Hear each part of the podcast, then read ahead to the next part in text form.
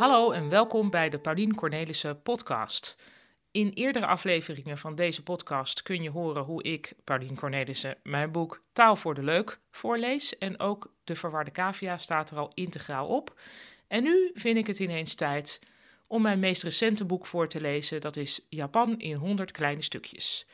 Ik zit, eh, terwijl ik dit zeg, voor mijn gevoel in de honderdste lockdown.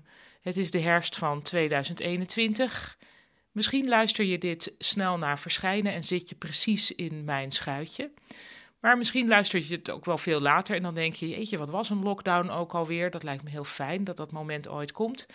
Of misschien luister je dit in het jaar 3000 en kun je me helemaal niet verstaan, omdat het Nederlands niet meer bestaat en moet er een deskundige aan te pas komen. Dit is allemaal mogelijk met een podcast.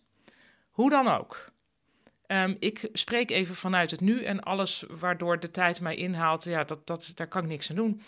Ik was aan het toeren met try-outs van mijn nieuwe voorstelling Aanstalten, maar de theaters die zijn nu weer een tijdje dicht. Dus toen dacht ik, ik ga weer voorlezen. En ik zit hier, terwijl ik dit zeg, gewoon in mijn werkkamer. Dus af en toe rijdt er een auto voorbij, dat kun je horen. Misschien hoor je soms wat regen, want het regent voortdurend.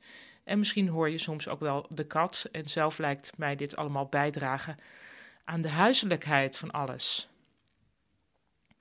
In het geschreven boek Japan in 100 kleine stukjes staan ook heel veel tekeningen. Nou, die kan ik natuurlijk niet voorlezen, ga ik ook niet proberen. Maar in ruil voor die tekeningen krijgen jullie als luisteraars dan wel weer iets anders, namelijk commentaar van mijzelf. Als er bijvoorbeeld sprake is van voortschrijdend inzicht. Goed, ik ga één hoofdstuk per dag doen. En ik begin met een inleiding. Dus dat betekent, hè, Japan in 100 kleine stukjes zijn ook inderdaad 100 hoofdstukjes plus een inleiding. Dat betekent dat deze podcast over 101 dagen klaar is.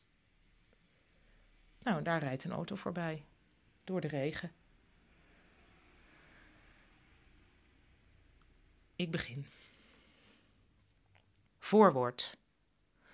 Lange tijd is Japan mijn droomland geweest. Daar moest ik heen, daar zou ik heen. En toen ik er eenmaal geweest was, werd Japan mijn heimweeland. Kijk, dat is ware liefde. Zolang ik me kan herinneren, hield ik me op de een of andere manier met Japan bezig. Zo was ik als kind een paar jaar geobsedeerd door origami, de Japanse vouwkunst waarmee je wezens kunt maken die je zelf nog nooit hebt gezien. Nog steeds kan ik blind een kraanvogel vouwen.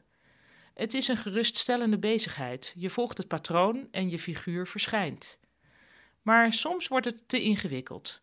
Zo is het mij nog nooit gelukt om een Boeddha te vouwen, terwijl ik dat toch heel graag wilde. Mijn Boeddha's leken allemaal op torren. Blijkbaar stonden er ook aanwijzingen tussen de regels. Zo gaat het ook met het denken over Japan. Tot op zekere hoogte begrijp ik het land, maar elke keer als ik in Japan ben, word ik weer verrast. Het origami-patroon klopt niet, dit hadden we toch niet afgesproken? Toen ik voor de VPRO het programma Tokidoki mocht maken, nam ik mij voor om nooit te zeggen Japan, land van tegenstellingen. Want elk land is een land van tegenstellingen, dus ook Japan. Waarschijnlijk is het benoemen van tegenstellingen vooral een manier om uit te drukken: het is niet makkelijk om een land te beschrijven zonder het tekort te doen. Dit boek is geen uitputtende Japan-studie, maar een portret in kleine stukjes. Geen allesomvattende duiding met een conclusie aan het eind, maar een verzameling van wat mij opvalt, interesseert, ontroert en doet lachen in Japan.